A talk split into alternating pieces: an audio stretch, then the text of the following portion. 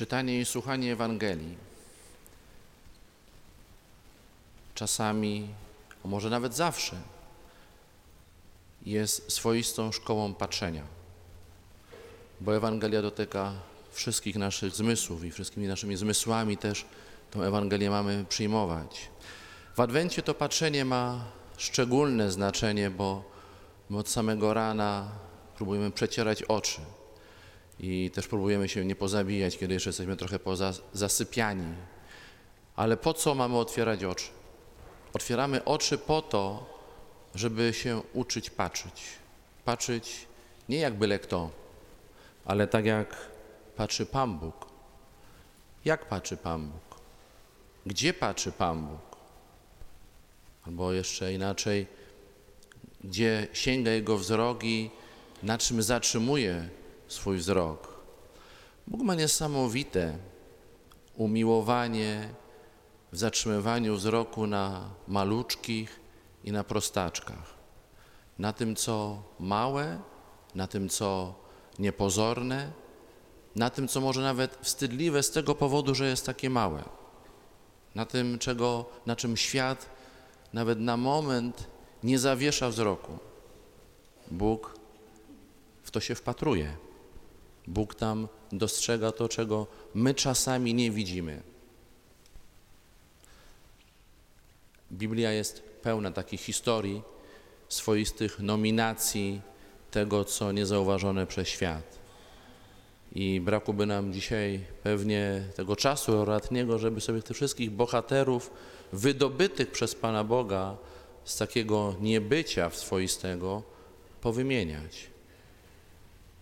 Dlaczego Bóg tak patrzy? Dlaczego Bóg ma takie umiłowanie w tym, co małe i proste, co niezauważone?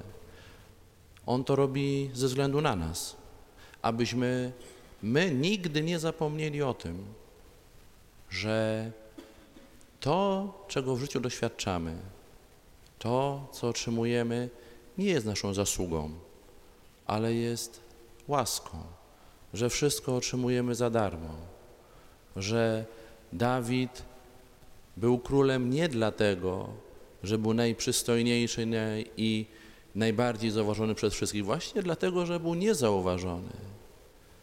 Że Piotr, który trzy razy się zaparł Pana Jezusa, został następcą Jezusa, pierwszym, pierwszym papieżem. Został tym, który mówi, na Tobie zbuduje Kościół. Że Paweł który prześladował Kościół, stał się apostołem narodów.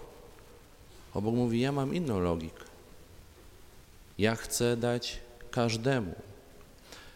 A zatem, do czego ta Ewangelia się zaprasza? Do patrzenia.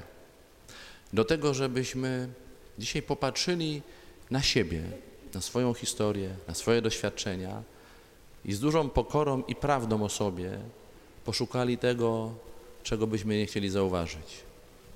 Poszukali tych miejsc, które, których może trochę unikamy w sobie, których się wstydzimy i spróbowali zobaczyć te miejsca nowymi oczyma, że to są miejsca szczególnie umiłowane przez Pana Boga, że tam też może być głoszona dobra nowina. Szczęśliwe oczy i szczęśliwi jesteście wy, którzy widzicie to, co widzicie, na co patrzycie.